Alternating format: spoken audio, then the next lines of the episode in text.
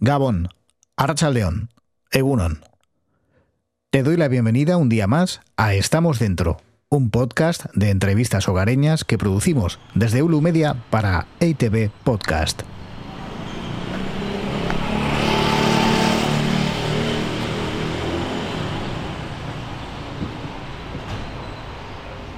Faltan algunos minutos para que den las 10 de la mañana en Verón, barrio alto de Rentería.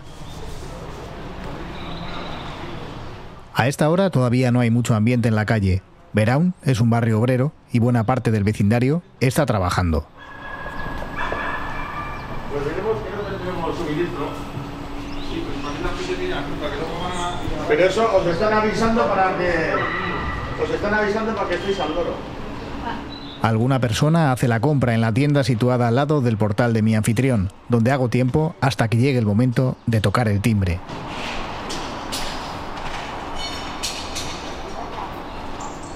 Pero la espera llega a su fin. Al fondo de la calle aparece mi anfitrión, que acarrea un bulto envuelto en papel de aluminio. Voy a coger un pinchico que si no... Egunon, Johnny. Estaba haciendo tiempo para llamar y mira, te, qué bien que te encuentro aquí en la calle. Por un pinchado así almorzamos algo ¿Qué antes tal? de- ¿Cómo Muy bien, estás? muy bien. ¿Tú qué tal? Muy bien. Sí. Bien, sí, la verdad es que sí. Yepa.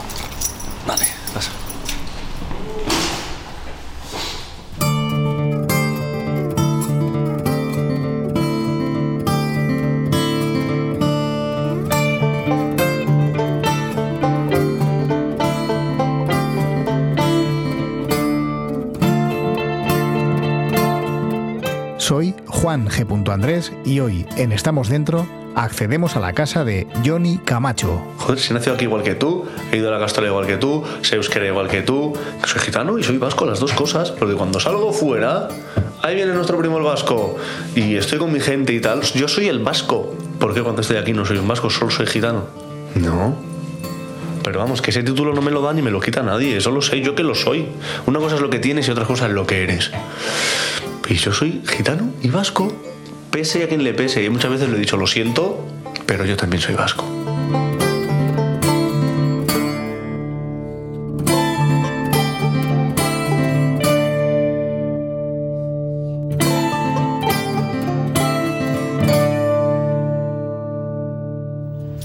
Muy bien. Pues yo estoy grabando ya, como puedes ver. Ah, vale. Esto no me había pasado nunca, encontrarme con, con el entrevistado En la calle. sí. He ido por unos pinchos para que almorcemos Ah, tranquilos aquí. pues, joder, perfecto. Johnny Camacho es el cantante y cara visible de Sonakai, un grupo de amigos con larga experiencia en la música que no conocieron la fama hasta que hace tres años aparecieron en un programa de televisión y sorprendieron a propios y extraños con su flamenco interpretado en euskera. Igual aquí en la salita, ¿verdad? ¿Me parece bien? Johnny nos acompaña hasta la salita y mientras comenzamos a instalar nuestro pequeño estudio portátil, él prepara el amaiquetaco en la cocina. ¿Qué tal llevas el catarro? Joder, tío, no. No recuperes, mira que estoy tomando de todo, ¿eh? Los miembros de Sonakai no viven de la música, pero cada vez le dedican más tiempo dentro y fuera de los escenarios. Bueno, la presentación no es buena, pero estamos ricos. ¡Oh, joder, que no es buena! Pero menudo, vaya, chacos, calientes. Sí, sí, sí, los acabo de traer. Tras Sonakai de Nonzat y Sonakai Guztiekin, ahora preparan su tercer disco, un trabajo en el que prometen seguir abundando en la fusión, esta vez añadiendo guitarras eléctricas. Y atención, porque el productor del álbum será Jaime Stinus, leyenda guitarrera que ha colaborado con bandas como la Orquesta Mondragón y Loquillo y los Trogloditas, entre muchas otras. De todo ello hablaremos en la siguiente charla, aunque también abordaremos cuestiones como la identidad, el antigitanismo o el purismo. Sí, sí, sí, sí. Sí, probando. Sonido, sí, tortilla, agua.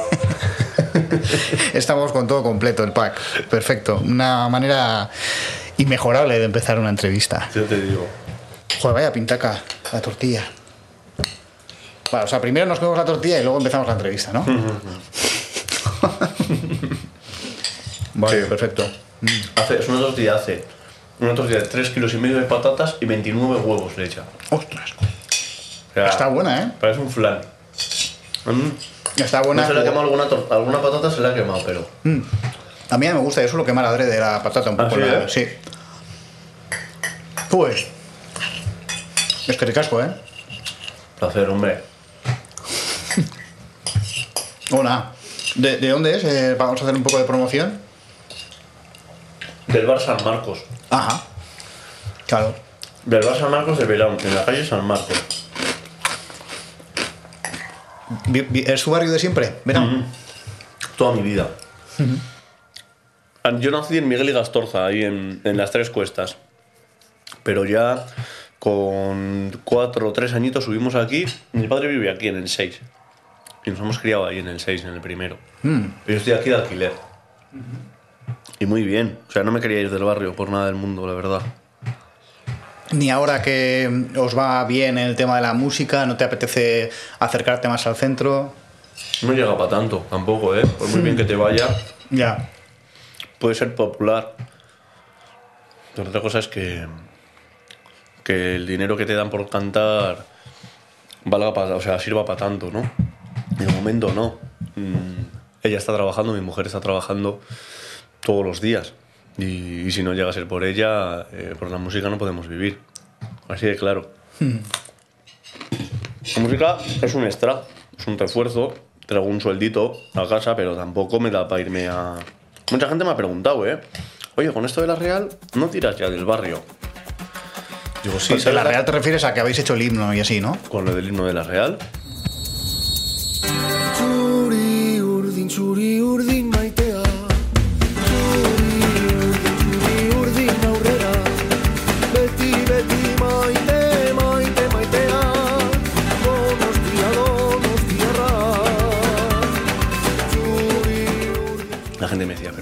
pero no, ¿te verás en el barrio? De momento sí, cuando se vaya David Silva de la Real, que me gusta mucho esa casa, igual me la cojo.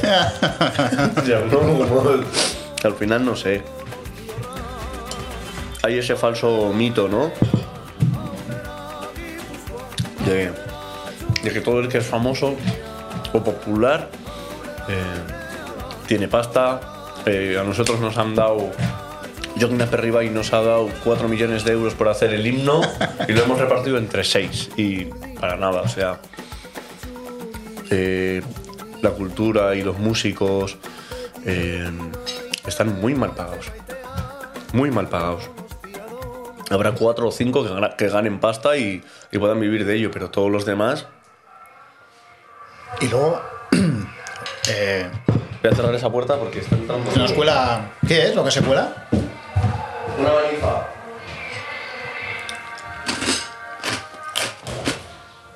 Una manifa. Están manifestándose ahí los coches. Ah, sí, ahora. eh, ¿Y de, de qué, de qué es? Quiero que sujete. Ah, joder. Desde aquí, bueno, eh. Estamos en un barrio obrero, además. Muy bien. Está buenísimo, ¿eh? Ya no puedo más, ¿eh? siempre los dejo así. O sea, es que es un pinchaco, ¿eh? Te comes uno y vas bien.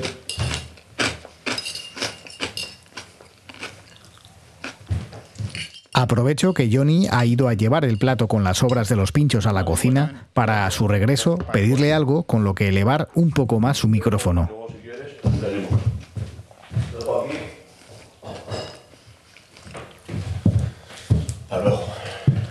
¿Tienes, ¿tienes algún, eh, alguna, alguna cosa en la que podamos apoyar un poco el micro para subirlo todavía más? Porque yo creo que nos va a venir bien.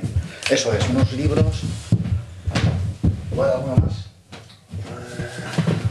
Sobre todo, sí, con ese. La Biblia por andar diario. Mm, Si somos creyentes. sí. Ay, cuéntame. Yo creo que casi todos del grupo somos creyentes. Eh, somos evangelistas. Evangelistas. Eh, desde toda la vida. Mi padre, mi hermano, eh, nos ha enseñado mucho. El- no lo veo como una religión, ¿no? Lo veo como una relación con Dios, con el que tú puedes hablar y expresar todos tus, tus penas, tus alegrías, tu día a día. Y, y la verdad que me ha ayudado mucho y me ha enseñado mucho, sobre todo a ser buena persona y a, y a hacer el bien y no desearle el mal a nadie. Y luego todo eso vuelve. Lo puedes llamar destino, karma, como quieras. Pero si tú te portas bien con la gente y eres bueno, al tarde o temprano eso, eso te vuelve otra vez. Y Dios y el Evangelio nos ha ayudado mucho a nuestra forma de educarnos, la educación, ¿no? En no, en no ser ahí trapacero, ni, ni, andar engañando, ni quedarte con nada de nadie. Siempre eh, la Biblia y Dios y nos ha enseñado a, a ser buenos. Esta faceta no conocía yo vuestra de Sí, sí, sí, la verdad que sí. Y eso eh, implica que es- sois creyentes, de practicantes también, de ir a misa incluso. Sí, sí, sí, sí, de ir al, de ir al culto y tenemos un, un par de locales por ahí que están acondicionados ya para la gente que vamos allí pues a escuchar la palabra de Dios, a escuchar alabanzas, eh, a escuchar el mensaje y, Y cantáis también en... y cantamos también, sí, no tienen, o sea, cantamos flamenco, ¿sabes? Porque Es que no he ido nunca a un, a Sí, un sí, sí, oficio se canta, se canta como, como cantamos nosotros, ¿no? Al final no dejas de ser lo que eres aunque creas en, en Dios, ¿no? Y lo adoras y lo alabas conforme lo, como tú sientes. Y cantan las mujeres del coro y los hombres, que es una barbaridad. ¿Tus primeros pasos en, en el cante quizá fueron en la iglesia? En la música sí. Ajá. Yo estaba en el coro tocando la batería, yo era percuta allí y, y- por supuesto, y todo el oído y toda la, la influencia musical que te llega de, pues, de gente que, que graba un disco eh, en Madrid, ¿no? Porque también hay ese... hay esa parte en, la iglesia, en, los evangelistas, pues que venden discos, venden libros, venden estudios y todo eso se comparte, ¿no? Entonces nos llegaba pues igual música de, Sevilla, música de Madrid, música de Galicia y, y nos traía mucha influencia, ¿no? De, de sonidos nuevos, de, porque eras un niño y nunca habíamos viajado hasta allí ni, ni hubiéramos ido a ningún lado y la música nos llegaba. Y por supuesto, yo creo que tiene una, una influencia Esto es muy parecido a, a los típicos cantantes eh, de soul ¿no? en América que empezaron en el coro de la iglesia, Claramente. tocando el órgano y demás. ¿no? Claramente, se asemeja mucho los, los coros de gospel y la manera que tiene de tan ferviente el reverendo de, de llevar el- la misa y todo eso, ¿no? Ajá. Se parece mucho a, a- a los evangelistas. Aún faltaba tiempo para que surgiera Sonakai, pero podría decirse que fue entonces, en la infancia de Johnny, cuando se formó el heterogéneo sustrato del que se nutriría después el futuro grupo. Porque el flamenco que escuchaba en casa convivía en armonía con las canciones en euskera que aprendía en la Icastola. Todo ello con absoluta normalidad. Con naturalidad. Eh, pues como cuando un niño escucha un disco de... Yo me acuerdo que, que, que estaba muy de moda Dover y Rosendo, ¿no? Y yo me fijaba mucho en las baterías y en los dobles bombos que llevaban ellos, tucu, tucu, tucu, tucu, tucu, tucu, tucu. y, y tienes luego la influencia, pues lo mismo, en, en la Icastola, pues en música o en Euskal Danza o en cosas así. Al final te enseñan la música de aquí. Pero luego llegas a casa, ¿no? Y sales de, de- En casa se escucha flamenco y sales de casa y se escucha hip hop y rock. Entonces eh, íbamos con nuestros colegas que yo tengo muchos amigos que eran árabes, latinos y, y se escucha música árabe y se escucha música latina, sals- salsa, bachata, reggaetón. Entonces todo ese popurrí de siendo músico ya, ¿no? Y sabiendo que eres músico y tienes ese talento que, que Dios y ese don te ha dado. eh, empiezas a guardar y eres una esponja de pequeño que no te das cuenta y muchas veces ahora con 30 años, con 33, años, 32 años que tengo, me di cuenta que, que todo eso lo tenía guardado y claro que influye muchísimo. No me mires malamente,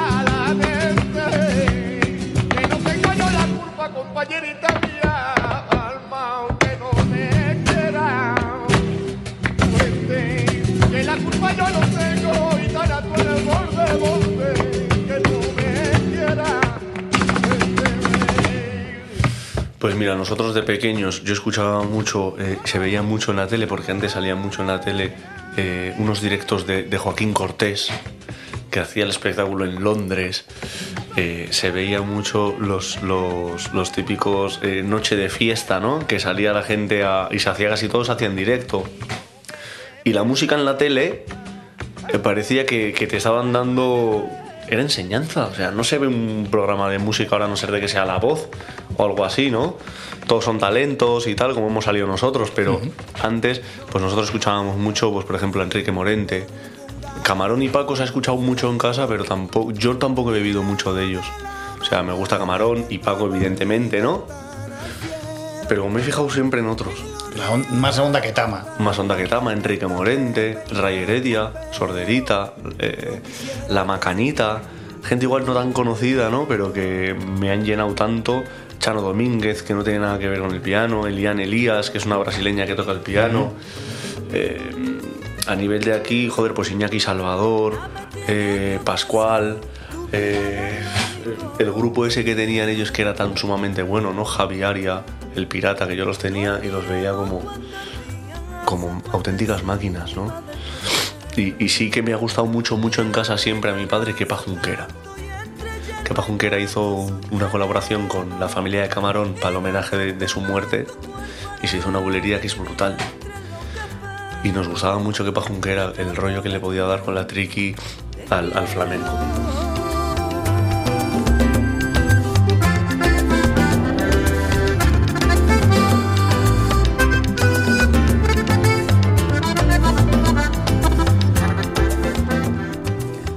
Versiones que hacéis ya se ve que, que- que- que también eso, bebéis de, de Miquel Laboa, de Benito Lerchundi, de Urco, con quien habéis colaborado además. Sí, y, y sobre todo pues canciones populares, ¿no? Pues como nos gusta a todos Ken Saspi, Berry Charrac y cositas así. Yo me acuerdo de... Pero ahí todavía no os habéis acercado, por ejemplo, ¿no? A hacer una versión así de, No, porque de, de un grupo actual, digo. Sí, sí, sí, al final.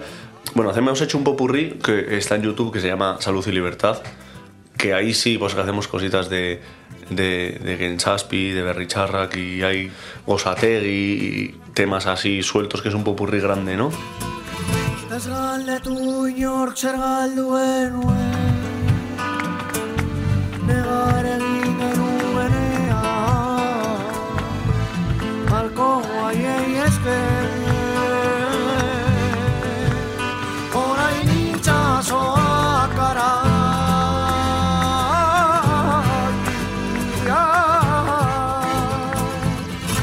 La música popular, yo me acuerdo en el mercado había un señor que se llamaba Alcides, no se llama, todavía está vivo, dejó el mercado y tal, pero él solo vendía música y él ponía rancheras y, música vasca.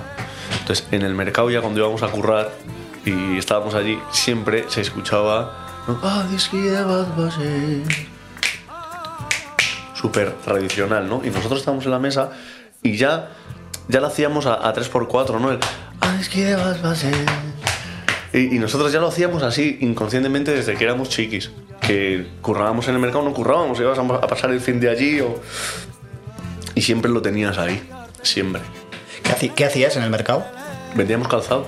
Ah, Mi padre lleva toda la vida, mi padre lleva 40 años en el mercadillo, ambulante de un pueblo a otro. Cada- el típico que el lunes vas a Lunes rentería. Rentería, miércoles Ordicia, jueves Zumaya, viernes Hermoa, sábado Irún, domingo Anoeta. Y tú le ayudabas. Siempre.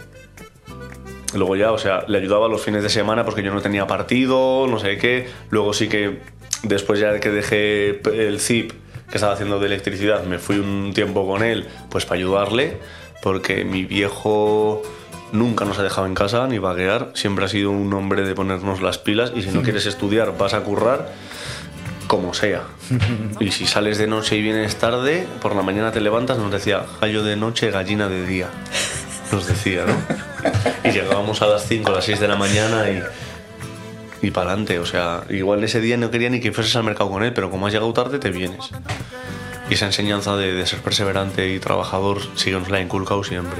Aún estando, o sea, sin pasar necesidad, porque en casa, gracias a Dios, nunca hemos pasado necesidad de nada pero nos ha inculcado el trabajo y el esfuerzo, ¿no? que todo tiene un, valor y un sacrificio. Y, luego ya pues del mercado lo dejé y empecé a currar, pero he ido mucho tiempo al mercado y es un oficio muy, muy duro, muy poco valorado, donde eres el último en la cadena, ¿no? De tomar una decisión arriba de decir, vamos a jugar un partido de rugby el domingo aquí en las instalaciones de Anoeta que hay al lado. Y vienen autobuses y vamos a quitar el mercadillo muchas veces, ¿no? Esa simple decisión de decir, por traer un equipo de rugby y meter el parking en el mercadillo, quito de comer igual a 70, a 80 personas que ese día se ganen el pan. Yo me he dado cuenta también de eso, ¿no? Desde bien pequeño, que, que- que hay a veces que, que se toman decisiones sin contar con la gente que realmente está llenando el pueblo y le está dando la vida a esa ciudad. El mercadillo es vida. Se- donde se juntan las amigas, donde se va a comprar, donde, donde conoces a la gente, donde las encuentras. Y muchas veces hay veces que se toman decisiones sin contar con nadie ni pensar en nadie.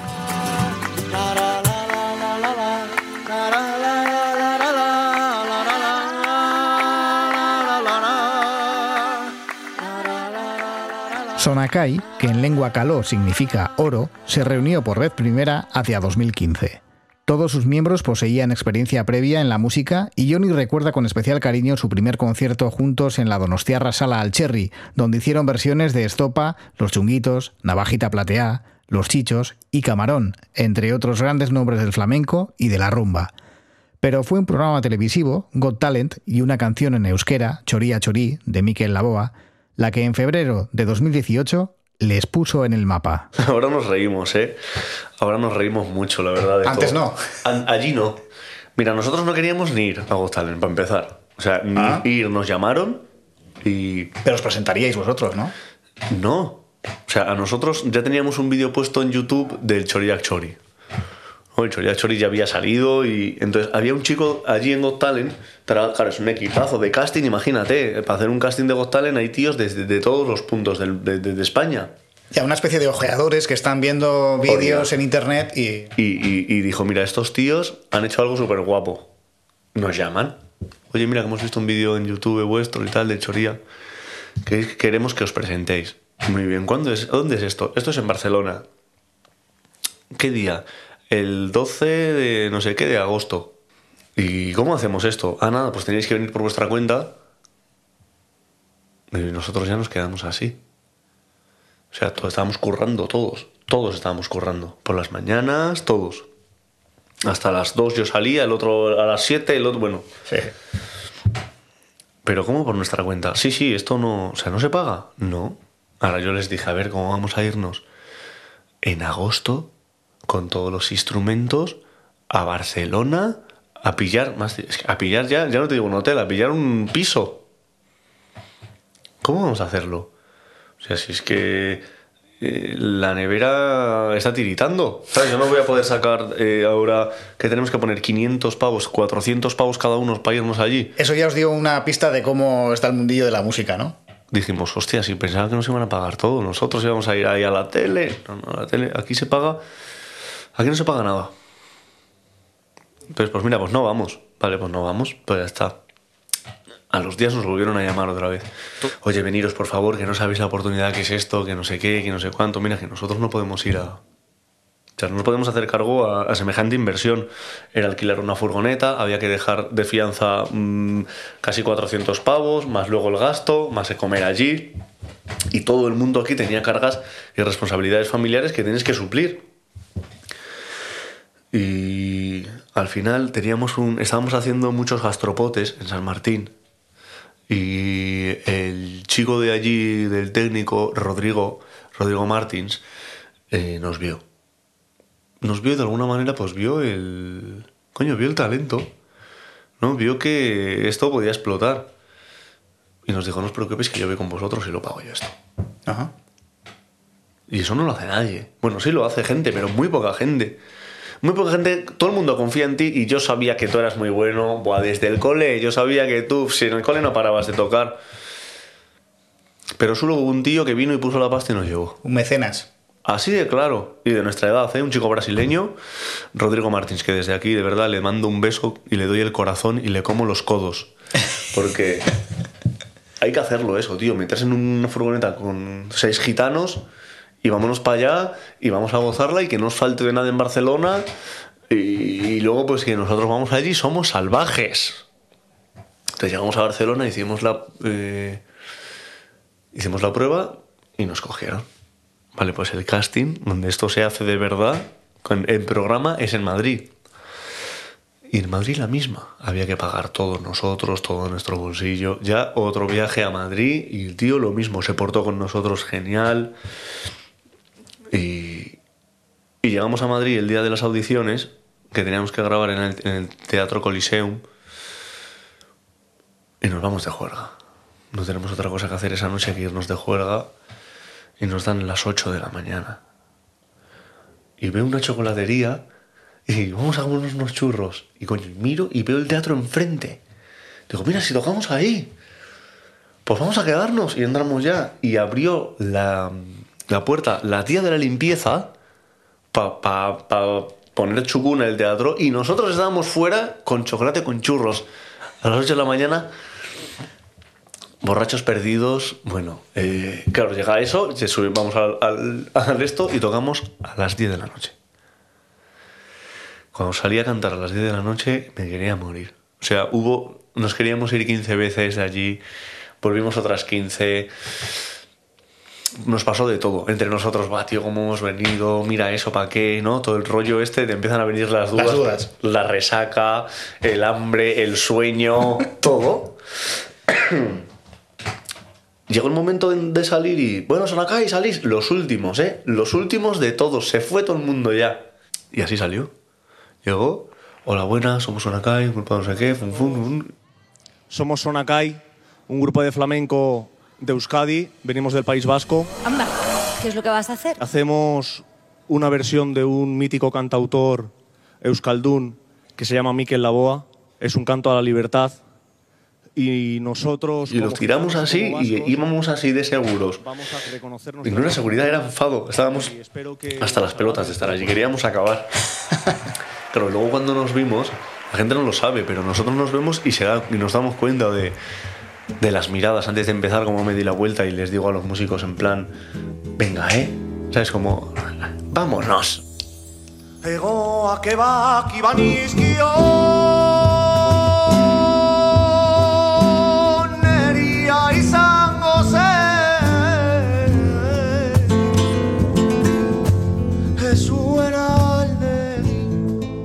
Y de alguna manera nos reímos mucho porque nos importaba tres pelotas. O sea, nos daba exactamente igual. A eso me refiero con ser salvaje, ¿no? Eh, no estar civilizado ni saber lo que estás celebrando. Que estábamos allí, que fue un pelotazo para nuestra vida, nos ha cambiado. A nivel musical, nos ha cambiado la vida entera. Y a nivel, pues, diario, llevas otro trajín y un ritmo que nunca en la vida hubieras pensado. Me suena el teléfono 30 veces al día, tengo que estar hablando. Y antes, pues, vivíamos de otra manera. Pero todo es gracias a ese día. Y lo vivimos con una naturalidad, un... unos huevos, o sea, una valentía de decir, venga chico, vamos a hacer esto y vámonos. Que luego cuando salió eso en febrero, el mar, un miércoles salió, y yo el jueves fui a la Icastol a llevar a los niños al cole, o sea, yo dije, ¿qué hemos hecho? ¿Sabes qué ha pasado aquí? Me costó una hora y cuarto, ¿sabes? Y es ahí arriba en San Marcos, Todo el mundo te paraba por el camino. Sin parar. Y, y sinceramente, yo mientras os escuchaba solo pensaba una cosa que no tiene nada que ver con el número, que ha sido extraordinario a nivel técnico. Pero pensaba, ojalá todo el mundo en este país se fusionase tan bien. La primera fueron el Choría, que fueron las audiciones. Luego en semifinales fue el Temborequín, que fuimos un Echar Apartar y Luis Camino y Carmela Greco al baile. Y luego en la final dije, voy a hacerme la aleluya. Al final, ¿cómo vas a hacer el aleluya así? Como homenaje a, a Enrique Morente y a Leonard Cohen y a toda la gente que, con la que me ha dado y me da igual. Ese tema no va a ser Euskaldun, lo vamos a hacer en euskera, pero pero no tiene por qué. Igual que el de Emborequín es de Pierre-Paul Versailles, que eh, pero es de Leo Ferré, ¿no? Al final ha habido ahí un tránsito que lo ha hecho mogollón de gente hasta que ha llegado a nosotros. Pues lo mismo.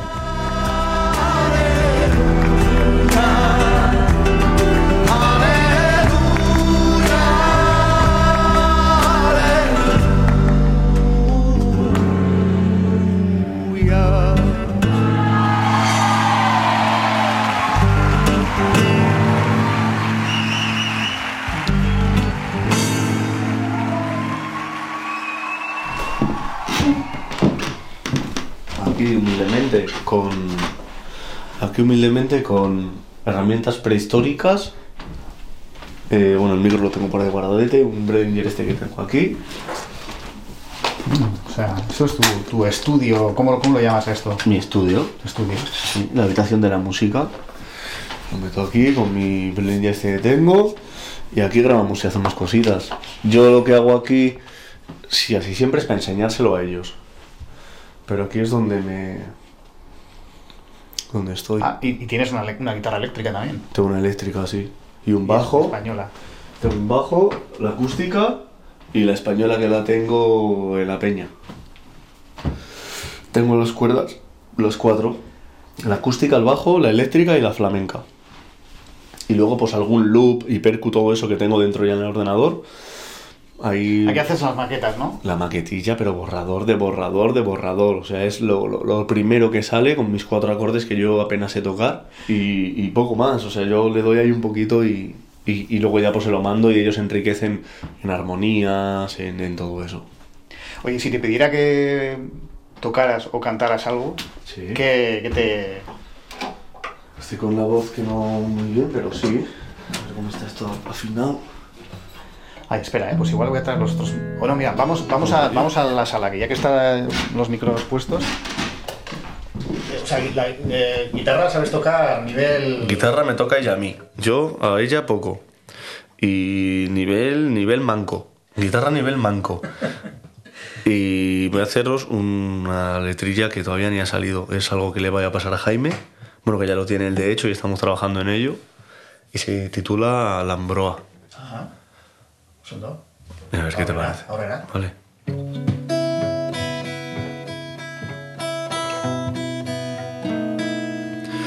¿Quién lo diría? Que la luna mi sombra vería. Lejos de la soledad,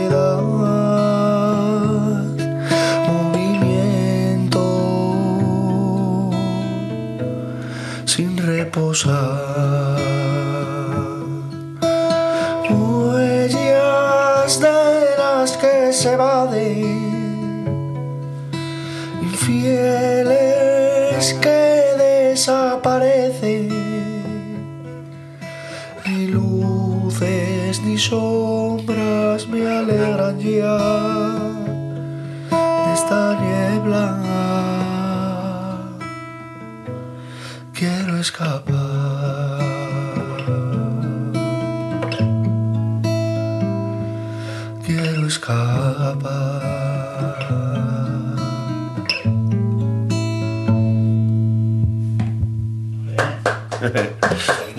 Tío. En casa se ríen de, de mí porque yo no tengo ni idea de flamenco, aunque es un mundo que me atrae mucho y salvo los cuatro clásicos, algunos de los cuales hemos citado durante la charla, pues eh, no, no controlo nada. Y para paliar la carencia, hace unos meses me compré una antología de, de 10 discos con cin- 150 cantes, eh, cantantes como Manolo Caracol, Mairena, Juanito Valderrama, Menese, Camarón y tal. Yo quería preguntarte cuál es un poco tu preferido. Me has dicho Morente, ¿no? Yo creo que lo que pasa es que Morente es como más de la más, más moderno entre comillas, aunque es un clásico Sí, moderno. de, de antes dices. Pero sí. Pues a mí me gustaba mucho el zambo y chocolate. Chocolate por bulerías y uff, era brutal. La paquera me gusta mucho también, paquera de La Jerez. Jerez. Eh, la, Fernar- la Fernanda, la Bernarda. eh, temas pues que mujeres que me gustan mucho también son ellas. Así más antiguas, hablamos ya del algo prehistórico.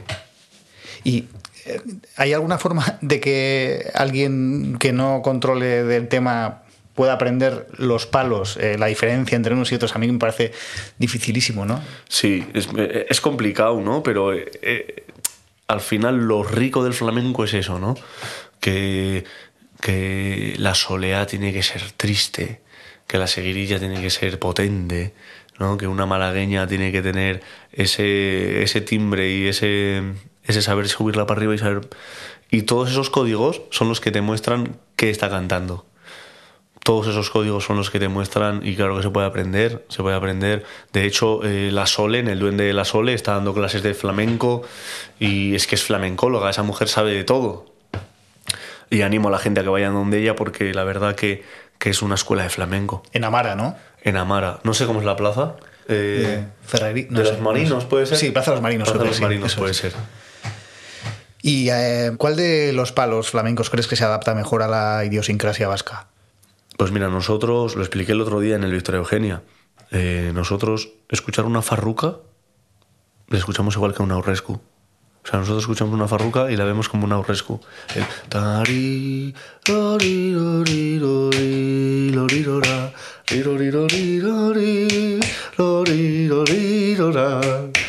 Eh, Es que es una farruca. Es exactamente igual. Y sobre todo en la música vasca, el 3, el 3x4, eh,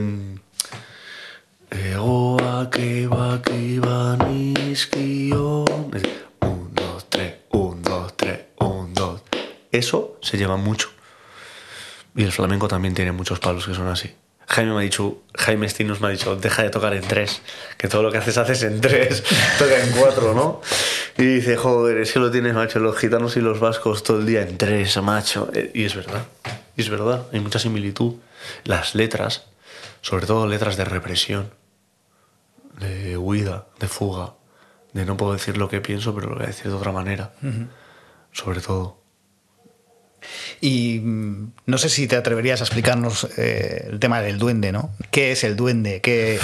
Pues mira, yo al final creo que el duende se busca desde por la mañana. Eh, hay días que yo sé que el concierto va a salir mal, por cómo estoy. Y hay veces que ya desde por la noche, el día anterior, digo, hostia, qué conciertazo va a ser mañana, porque lo tienes. Es algo que te. Es algo que te llena y te transforma cuando menos te lo esperas. Yo creo que no es algo que viene así. Mm, Creo que el duende es un sentimiento directamente, que no es súper difícil expresar un sentimiento y ponerle un adjetivo, ¿no? Un adjetivo a un sentimiento es muy difícil. Pero que el duende creo que es un sentimiento. Para mí yo lo tengo claro. Hay a veces que lo siento y digo, hostia, esto es. Y, y vamos a hacernos un conciertazo.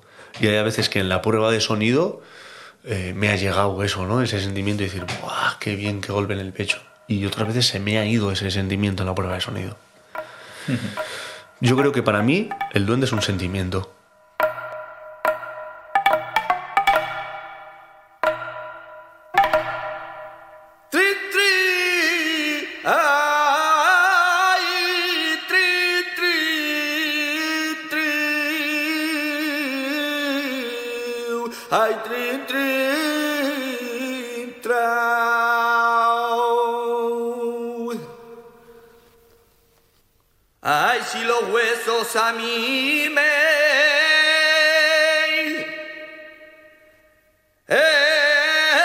Partieran.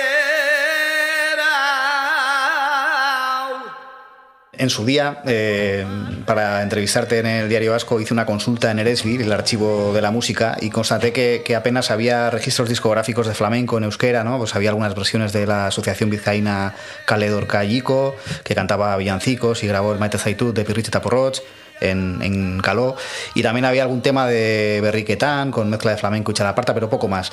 Eh, ¿Por qué no hay más experiencias previas a Sonacay y por qué ninguna es tan seria como la vuestra, no? Yo creo que mm, la suerte no existe, pero hay que estar en el momento exacto, en el momento y ahí, ¿no? Justo haciendo lo que estás haciendo.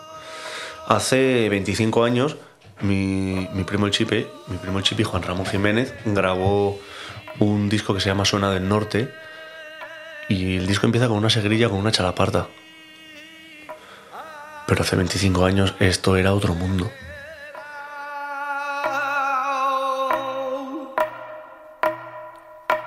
que me quitara los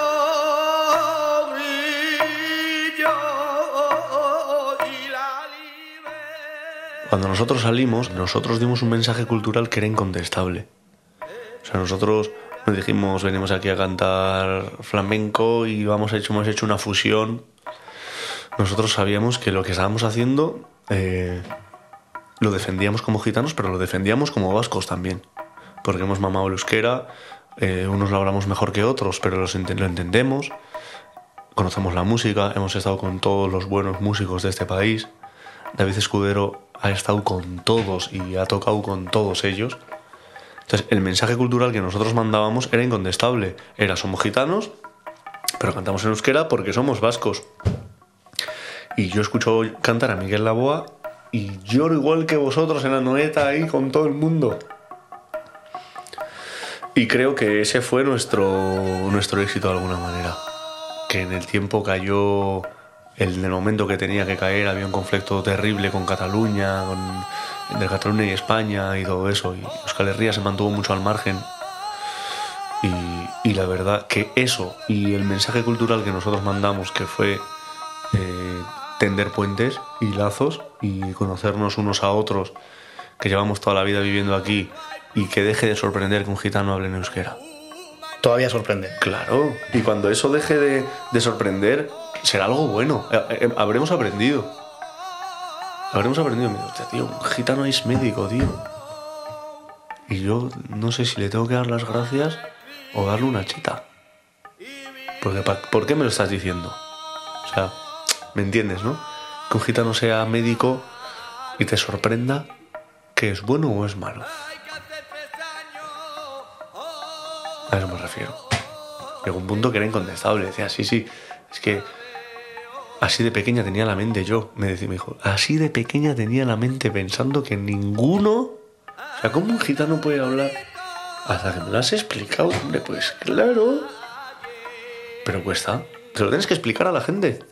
Eh, ¿Me estás hablando de alguien en concreto o de en general? Sí, sí, de alguien en concreto, de que acabas un concierto, viene un fan y te dice, oye, eh, me he quedado asustado, tío. Yo no hubiera pensado en la vida que un gitano se podía sentir vasco. O sea, mm, ¿por? Joder, si nacido aquí igual que tú, he ido a la castola igual que tú, sé euskera igual que tú, salgo de aquí y me dicen mi primo el vasco. ¿Por qué cuando estoy aquí no soy un vasco, solo soy gitano?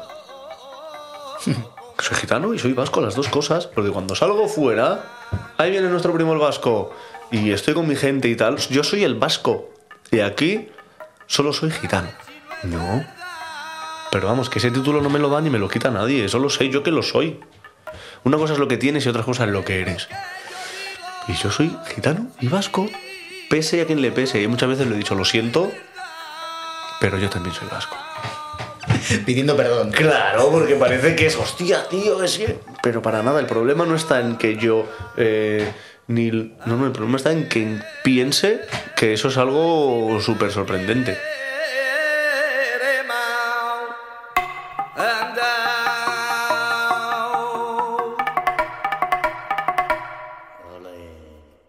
Y Johnny, ¿cuándo es la última vez que has sufrido un episodio de racismo? Eh, muy a menudo. No, yo ya no, porque yo ya voy a los sitios y parece que soy el gitano de moda. Pero mismamente para alquilar un piso. Yo para entrar en en esta casa yo no he... Para entrar en casas yo no he ido a mirar mi piso. Porque si te ves gitano no entras en la casa. Va mi mujer, que no parece gitana, y entra en la casa y la alquila. Y si vas tú, no. Ella es gitana. Ella es gitana, pero es rubia y blanca. Entonces entra y habla así y no. Y ya está, y el piso es para ella. Tiene que disimular. Pero si voy yo, es que ha venido antes, antes que tú. Antes de todo esto, ¿eh? antes de ser. Y yo me he criado, he estado súper integrado, nunca he tenido problemas. Pero sí que, pues en los equipos de fútbol, en el parque, en, en la entrar a una discoteca. eh, hoy gitanos y moros no van a entrar. Eso te lo está diciendo un tío, un segurata que mide dos metros y como le mires a los ojos dos veces te va a pegar una hostia. Literal, ¿eh? Entonces, o te comes la hostia o te callas y te vas para casa. Pero no te dejan entrar porque eres gitano. Y antes, es que la, la semana pasada un gitano me la lió. Y le digo, pero bueno, ¿Y cuántos payos te la han liado en, pero si el estoy viendo estos- si has, salido- has sacado a dos payos que se han tirado un vaso uno al otro. No has sacado, ¿por qué no sacas a todos los payos de ahí? Sácalos. Quiero hablar con el encargado del bar. Dile que baje el encargado que quiero hablar con él. Y se lo expliqué. Le dije, mira, si tú por esa regla de tres tienes el bar vacío, porque los payos también os peleáis. O sea, tíralos a todos. Ya, pero es que con vosotros... ¿Pero vosotros quién? ¿Sabes? Ese ya vosotros. Sí, es que vosotros tenéis otra forma de pensar. Vosotros tenéis otra, esa forma, otra forma de actuar. Ese vosotros, en el parque, en el parque hay una expresión, expresiones que son muy fuertes. ¿Qué sucia has venido hoy como una gitana? te intentan robar y es un poco perro, que lo ves así cabroncete, ¿qué gitano eres? Y ahí no tiene la culpa ni el niño ni nadie, ahí tiene la culpa el padre y la madre que adoctrinan a esos niños con ese pensamiento. Que a un marroquí o a un árabe le llaman moro, ¿no? Y luego se gastan 4.000, 5.000 pavos en un viaje a Marrakech ahí con todo pagado y he ido a conocer cultura. Pero decir, vete a la mierda, hombre, ¿cómo vas a ir a conocer? Vete a la mezquita de aquí y estate con los colegas en el, del barrio y aprende de ellos, aprende. Mira, hay aquí un chaval, no voy a decir el nombre, pues sus padres están currando todo el puto día y no puede ir el chaval a las piscinas en verano, porque sus padres son currantes, muy currantes. Y tienen un kebab y tienen que sacar el kebab adelante. Y yo me cogía al niño y le decía, oye, yo me llevo a tu hijo. No te preocupes, no le voy a dar nada de cerdo. Mira, esto es lo que le he preparado. Y le enseñaba a él lo que le había preparado yo al niño para almorzar y para merendar. Y me lo cogía y me lo llevaba y me daba igual, pero ese niño, por, por, por ser de donde es o por ser quien es su gente, empieza de menos 10 aquí. Claro que hay racismo, pero, pero muchísimo.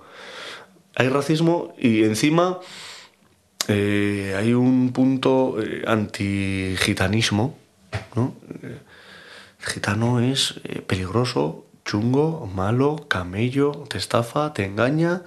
Las niñas se casan con 14 años, eh, como le digas que no te cogí te mata y todo eso.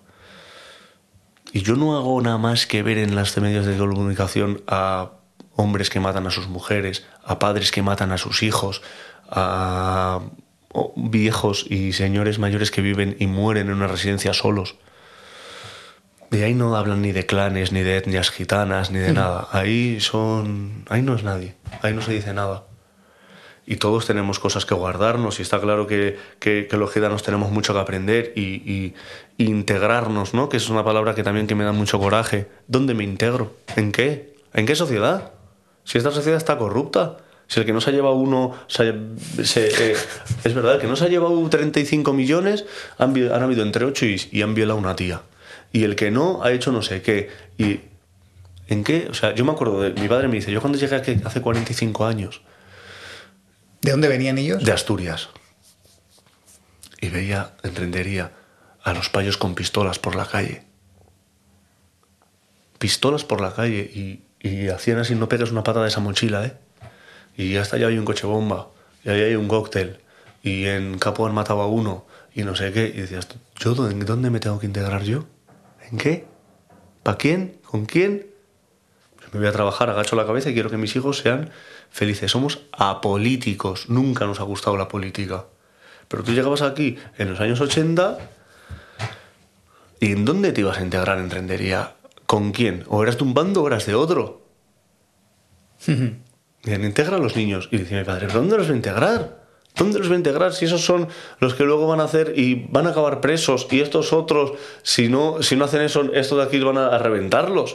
Y no tengo nada que ver yo con lo que quiere la gente ni lo que estáis pidiendo. Y Johnny, para que no mm, eh, payos y gitanos no vivamos tan de espaldas como seguimos viviendo hoy, eh, ¿cuál es eh, la, la fórmula ¿no? para, para, para atajar esa situación que, que, que- que viene de, de siglos atrás? De siglos atrás está claro. Yo lo veo es, eh, sobre todo, las, las escuelas públicas, no tiene que haber segregación. Eh, las escuelas, a mí la escuela me ha enseñado a, a estar con un marroquí, a estar con un turco, a estar con un boliviano, a estar con un senegalés, a estar con un vasco, a estar con un salamantino y un gitano en clase. Nos hemos criado y se ha casado mi colega y es mi hermano y he ido a su boda y hemos estado con él y, y yo tengo una relación con toda la gente de mi, de mi, de mi cole y de mi castola y de Miguela y de instituto y todo, buena porque nos hemos, desde pequeños, ha habido un gitano en la guela. No ha habido un colegio que era solo de gitanos, ni una clase que era solo de gitanos, ni un barrio que era un puto gueto para que la gente no entrase. ¿Entiendes? No ha habido esa segregación ni marginación. Yo por lo menos no la he vivido. A mí me han cogido, he entrado a un colegio público con todo el mundo. Y todo el mundo ha sido mi amigo. Y ya está. Y desde pequeño, si tú estás con un gitano, cuando tienes 15 años y ves a un gitano por primera vez, como no los conoces, es lo que dice la gente. Y ahí viene la confusión. Porque no nos conocemos, el problema es que no nos conocemos. Y yo tengo amigos payos que son como hermanos, más que familia mía. Quiero amigos payos más que a mis primos, que han estado aquí comiendo en mi casa y yo he estado comiendo con ellos. Que nos hemos tenido que dormir juntos, apretados, porque... Y hemos tenido convivencia y nos hemos conocido y ya está. Y ellos saben hasta dónde yo puedo llegar y yo sé hasta dónde ellos llegan. Pero eso es todo desde pequeños. Que no haya segregación en los colegios, que la educación sea libre, que no le pongamos al niño, no vayas con este, que si es una mala compañía y no es sano, pues sí, ¿no? Pero no por el hecho de ser de quién es ni de dónde, ni de dónde venga. Yo creo que eso es la mayor enseñanza que a mí me ha dado la vida, es poder estar con de todo tipo de gente. Yo me iba a comer con ellos a casa y veía cómo merendábamos en la casa de, de- de- mi hermano Sofian y su madre nos hacía un pan que hacía ella y lo probábamos y era, ¡buah, tío, qué es esto, qué rico! Y luego íbamos donde Íñigo, Galarza, de aquí, de toda la vida, y su madre Adela nos sacaba unas rosquillas y comíamos todos. Y un día me dice, vamos a comer a casa. Vamos y no hay nadie en su casa. Y nos quedamos sin comer. Pues vente a la mía tú. Y fuimos a comer ahí donde mi madre y nos sentamos todos, nos comimos un plato de macarrones como todo el mundo. Y eso, a ellos les he enseñado lo que es un gitano y yo lo he podido enseñar también. Para mí es la, la- pieza clave de todo eso. ¿Te lleno esto de agua? Ay, sí. Eso.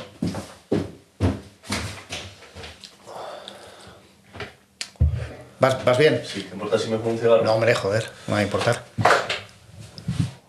Pasa que tengo que mirar que es un poquito mal. Llega el momento de hablar también de las resistencias que Sonacay ha encontrado en los círculos flamencos y sobre todo entre los flamencólicos, que es como Enrique Morente llamaba a los puristas. A ver, es verdad que, que el flamenco eh, hay que respetarlo, ¿no? Y es verdad que tiene unas pautas que hay que llevar. Pero nadie las ha llevado. O sea, nadie. Todo el mundo que ha destacado ha destacado por ser diferente. Desde Camarón, desde Enrique Morente, desde Poveda, a Ketama, a todos esos. Entonces nosotros al principio eh, recibíamos por todos los lados. Porque hacíamos flamenco en euskera, entonces cobrábamos por eh, los vascos y cobrábamos por los flamencos, ¿no? Hasta que hubo un momento que, que Ketama nos, nos llama. azul. Líneas en el mar, que profundizindo mar, acaricia una verdad. Claro, y cuando te llaman, cuando te llama el capo, pues todo, donde manda patrón no manda marinero. Y entablamos una, con una relación muy bonita con Ketama hicimos el Se Dejaba Llevar. Incluso antes, en el Got Talent, en, las semifinales, cuando hicimos el de Morarequín, ya ahí había algún flamenco ya que les gustaba y nos mandaba... Pero todo cambia a raíz de Ketama, sobre todo con los flamencólicos. Todo cambia a raíz de Ketama.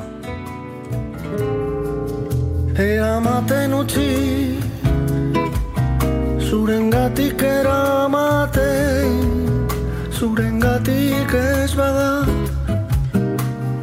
Ez du inoiz itxoiten Itzik ez du esaten ez, ez.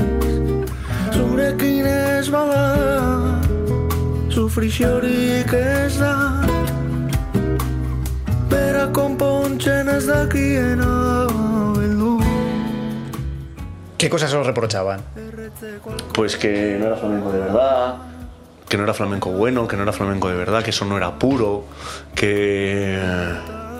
Que para quién lo estaba cantando. ¿Para quién?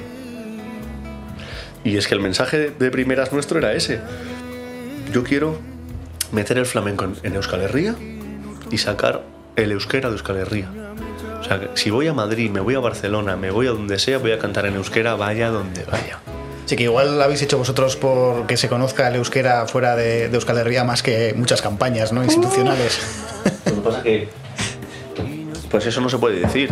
Porque si lo dices, quedas como que eres un guate, ¿no? Y quedas como de prepotente. Pero es la, es la realidad. O sea, es la realidad. Nosotros íbamos a, a, donde fuese y cantábamos en euskera. a todos los lados, fuera. Y, la familia que tenemos, tenemos mucha familia pues en Madrid, Valladolid, Santander, Asturias, León. Todos los gitanos de- de- todos los gitanos de España nos conocen y nos han visto. Y el euskera ha llegado allí. Pero, ¿Los reproches de los flamencólicos eran por el idioma que escogíais para cantar o por otras cuestiones? por el idioma, por los instrumentos que utilizas. Dicen, ¿qué haces con esos troncos? Vosotros sois los de los troncos, los troncos son la chalaparta. Que es como un xilófono gigante. Como sois vascos, cogéis todo grande. Y el cajón flamenco tampoco es eh, mm, eh, español, ¿no? Yo Para creo que, que era.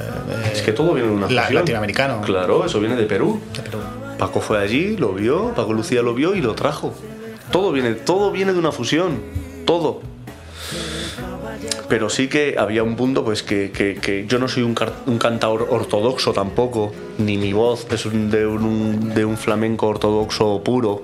Les chocaba por todos los lados los que estaban escuchando en cuanto a la letra, los ritmos no, porque los ritmos los respetábamos, pero sí en cuanto a la letra y la tesitura de voz, eh, les, le- les chocaba todo. Y os decían, no, os no vais a gustar ni a los gitanos, ni, ni a los flamencos, ni a, ni, a los, ni a los vascos, ¿no? Por supuesto, es una de las frases que más me han dicho en la vida y que más miedo me ha dado, ¿eh? También te lo digo. Porque la veía, la veía de verdad. Yo la veía clara, decía, hostia, es que puede ser, puede ser que no gustemos, tío.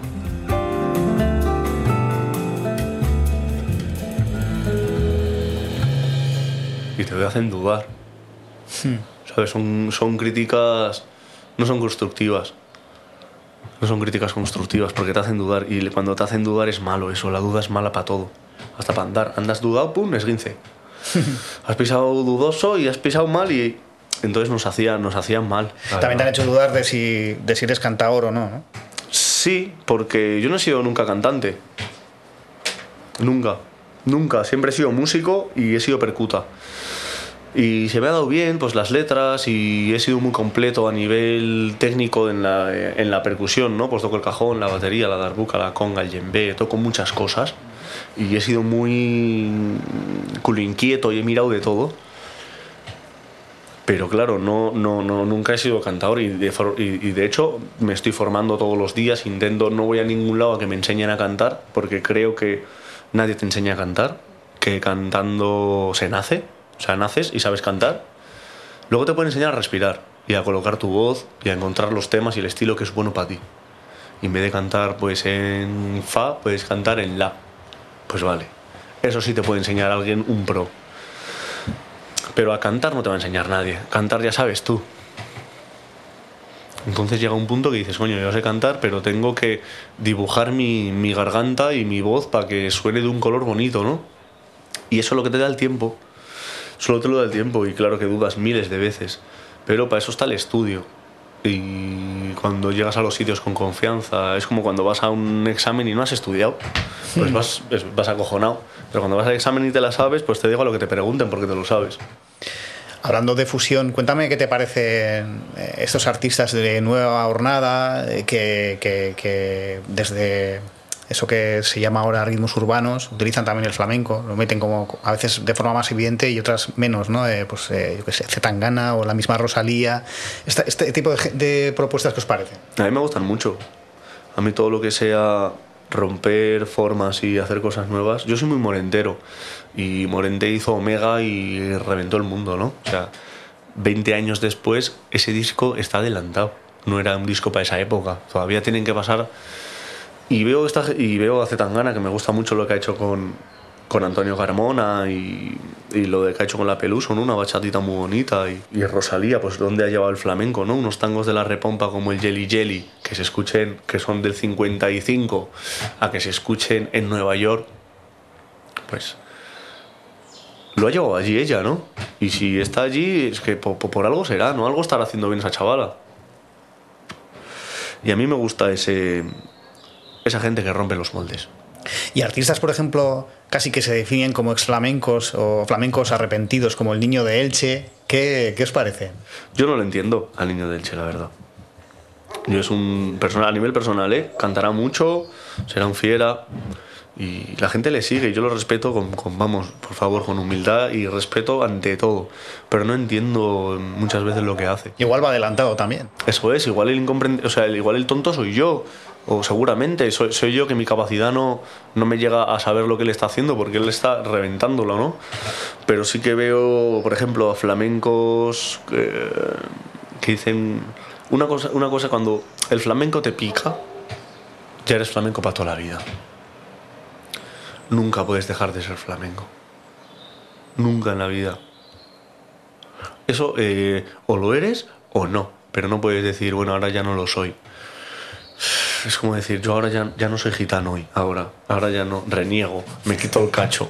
Pues no, no puedes, no puedes, o sea, lo eres. Pero es un chaval que, eh, pues que le sigue mucha gente, que yo vi el otro día un vídeo del del Guernica y... Joder, me quedo asombrado, ¿no? Pero no lo entiendo. Ojalá un día lo entienda y me guste y sea capaz de disfrutar de su música. Pero hoy por hoy no lo entiendo. Al niño de Elche, por ejemplo, ¿eh? que me has preguntado por él, y yo no me callo nada. No lo entiendo. ¿Qué, qué vídeo era? el del Guer- ¿Qué, ca- qué cantaban el Guernica? Ya me, me acuerdo que hicieron una, una serie de vídeos, salía también sí, Sí, otra y, gente, grita- y- Albert y Pla sale una guitarra, eso es, sale una guitarra, y él grita no, no, no. Y el Guernica de fondo, no, no, y escenifica de alguna manera todos los gritos que allí se, se escuchaban, ¿no? Pero, joder, Bueno, vosotros eh, lleváis eso, chalaparta en directo, salís con danzaris también, utilizáis eh, bueno, pues elementos de la, de la cultura vasca.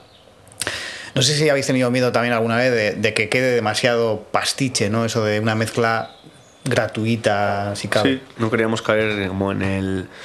Yo lo decía en el cani este, ¿no? En el. Vamos a coger cualquier pieza y vamos a hacer el chiquitiqui, chiquitiqui, chiquiti y que suene a flamenco, ¿no? Nosotros eh, no perseguimos los temas, nos persiguen los temas a nosotros.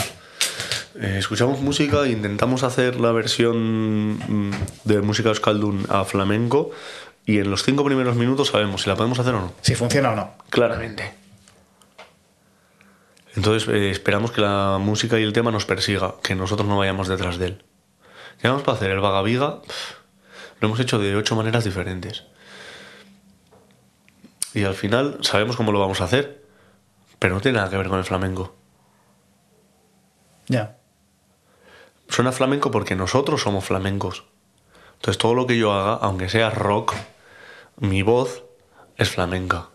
Y el eco y el quejío de mi voz, pues es flamenco. Entonces va a sonar flamenco. Y hasta que no entiendes eso, es un proceso. Intentas, pues lo que tú dices, aflamencarlo de manera superficial. Y hemos decidido, o sea, hemos aprendido con el tiempo de que no va así. Eh, los temas te persiguen, son temas ricos y música, en, en música y en mensaje, y ese es el que nos vale.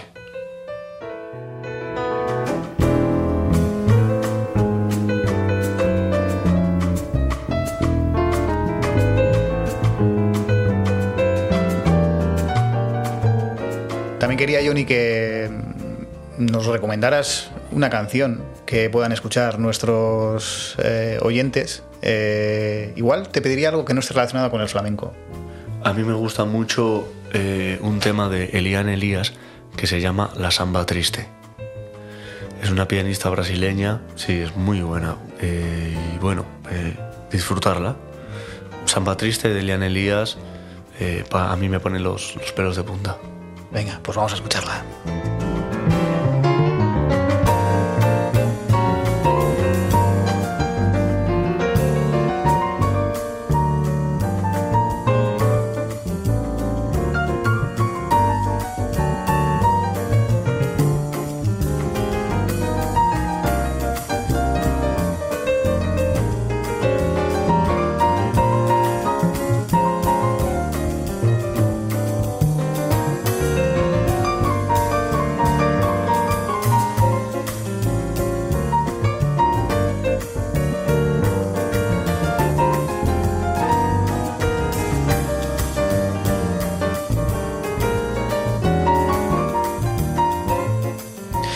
Eh, respecto a temas originales en euskera, tenéis el, de, el, el que os escribió Iker Laurova, que es uno ya de vuestros más fieles colaboradores, y vosotros también colaboráis con él, o sea, al final habéis hecho ahí una simbiosis muy, muy bonita. ¿Tenéis pensado eh, seguir en, en esa onda, continuar alternando castellano y euskera, hacer nuevas creaciones en, en euskera? Claro. nosotros es lo que. Es, es que es nuestro sello, ¿no? Al final nosotros no nos queremos alejar de, del flamenco en euskera, pero tampoco queremos dejar de hacerlo en castellano porque eh, llegamos a mucha más gente también, ¿no? La forma de que te compren el disco fuera de aquí y meterles un poquito el euskera con, con calzador, digamos, ¿no? Porque aquí sí que se venden los discos en, en euskera, pero igual fuera de aquí no. Pero igual por una canción que hayas hecho bonita en castellano, después hay una en euskera, pues te la pueden escuchar y a poco a poco. Entonces no queremos cerrarnos solo a cantar flamenco en Euskal Herria, sino que queremos hacerlo y, pasar fronteras y sacar el euskera de aquí, como he dicho antes, ¿no? Que nos escuchen cantar en euskera por todos los sitios. Dime eh, artistas con los que gustaría hacer colaboraciones, que sois vosotros muy dados a, colaboraciones y que, claro, habéis hecho, por ejemplo, una con que era uno de vuestros sueños seguramente. Después de eso, ¿con quién os gustaría estar mira, en el es- escenario y en el estudio? Estamos en un punto de que hemos hecho el segundo disco lleno de, de colaboradores Sí. y hemos estado con, con gente que no teníamos ni pensado estar. Y estamos en un punto que nos apetece mucho estar solos. Te lo digo de verdad.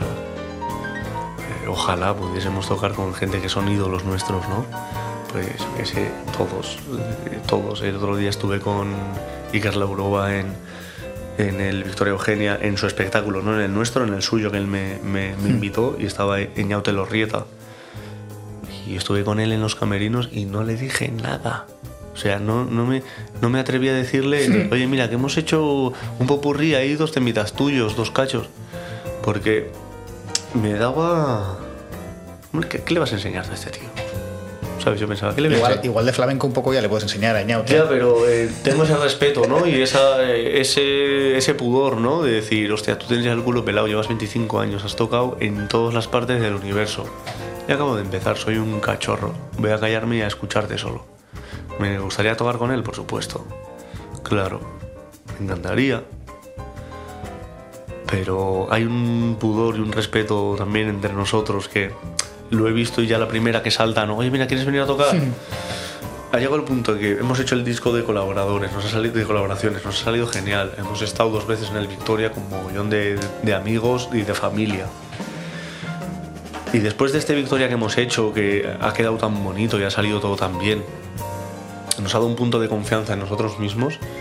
De decir, eh, está hecho. O sea, hemos hecho un nuevo sonido, una nueva forma de sentir, que la tenemos que ir mejorando todos los días pero me apetece mucho estar solo. O sea, solo, ya me entiendes. Tocar con mi grupo y hacer música y componer y, cambiar de sonido, que no suene solo siempre la guitarra, sino meter una eléctrica y una batería y que y hacernos un poco más fuertes, ¿no? En el esto, que no sea una guitarra flamenca, sino que suene un- una guitarra eléctrica y pegue. Y nos hemos, o sea, yo, yo, eh, por lo menos yo a nivel personal, tengo muchas ganas de, de estar solo, de producir, de componer. Tenemos mogollón de temas escritos ya y estamos mirando eh, cara al estudio, pero me apetece estar solo. Sois colaborar con José de Pasaya, ¿no? Sí, José es Pasaya el que suele tenemos- el que suele hacer los, los temas hacer las originales, letras, ¿no? las sí. letras. En este último caso, eh, casi todos los temas son míos. Ah, sí. Casi todos los temas los he escrito yo y sí que en el primero tuvo mucha influencia José de Pasaya, en el segundo también, con sus letras. Pero en este eh, vamos a mirar eh, con el productor Jaime Stinus Ah, y Donos- Donostiarra Ilustre y bueno. eh, pues bueno, ya el que, sí, el no que entienda un poquito de música, pues ya lo conoce, ¿no? ¿Os va a producir Jaime? Nos va a producir Jaime el tercer disco. Bueno, y algún productor más que tenemos por ahí, ¿no? Que, que van a estar... De ahí lo que dices las guitarras eléctricas. ¿no? Claramente. Nosotros queríamos eh, un nuevo sonido, o sea, un nuevo sonido que no fuese el- siempre el de la guitarra y el de las palmitas, sino que pegar ese punto ya de convertir esto en un dragón, ¿no? Que, que suene fuerte. Y nos, lo, y no- y nos lo está dando. O sea, al final es un hombre con una capacidad musical inmensa, gigantesca, que, que- que te, que te dobla siempre, siempre te dobla en todo. Y me gusta mucho el punto de vista y todos los temas que me manda, que son cosas que yo no he escuchado en la vida, ¿no? Y me dice, "Pues ¿tú entonces qué coño has escuchado, Johnny? Por ejemplo, por ejemplo, me manda un tema de, pues es que ni lo sé, ¿no? Unos temas en, en inglés de, de música country de allí que me encanta, ¿no? Y digo, yo no he escuchado esto, tío, yo he escuchado esto, yo he escuchado a eh, Holly Dalton, se llama, Dolly, Eh, Do- Dolly Parton, ¿no? Dolly Parton. Y me dice, ¿ya has escuchado esto y esto no has escuchado? Pues no, tío, yo he escuchado esto, ¿sabes? Pues, y él me manda, ¿no? Y yo le mando un tema de Antonio Flores o de Raimundo Amador, que son un poquito más rockeros. Y él, pues mira, lo podemos meter por aquí. Le mando el nuevo disco de Kiki Morente, que es muy electrónico y... Y entre lo que yo quiero como suene el flamenco y él lo que me quiere dar a mí, pues estamos haciendo ahí y me encanta ese, ese punto de, de que me den de hostias, ¿no? Musicalmente, porque aprendo, aprendo y me encanta. Muy bien, pues eh, nos quedamos a la espera de conocer a la versión dragón de, Sonakai, ¿no? Hostias. Ha sido un placer, eh, bueno, estar contigo, comer esa estupenda tortilla de patatas De para patatas empezar la entrevista. Del Oscar, Bar San Marcos. Eso es. Y bueno, pues que sigamos viendo durante muchos años y que haya mucha suerte. Un placer, Juan. Una alegría muy grande estar contigo. Bidai politizan da Baina ez egokia bihotzean izango zaitut Nire bizitza osoa Nos despedimos ya con esta rumbita chiquitita que Sonakai grabó en su disco anterior en colaboración con el cubano Omar González. Si te ha gustado o al menos interesado, suscríbete a Estamos Dentro y recomiéndanos a tus amistades.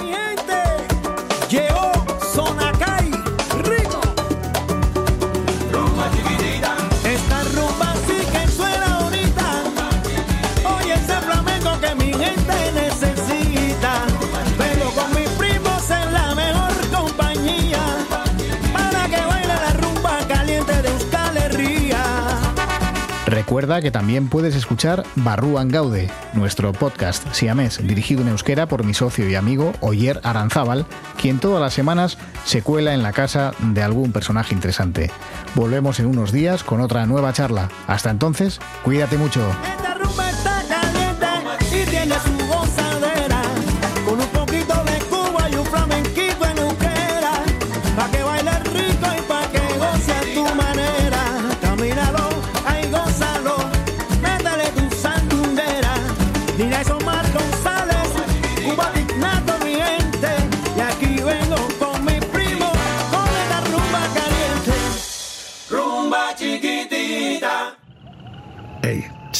Entzun hori. Ulu Media.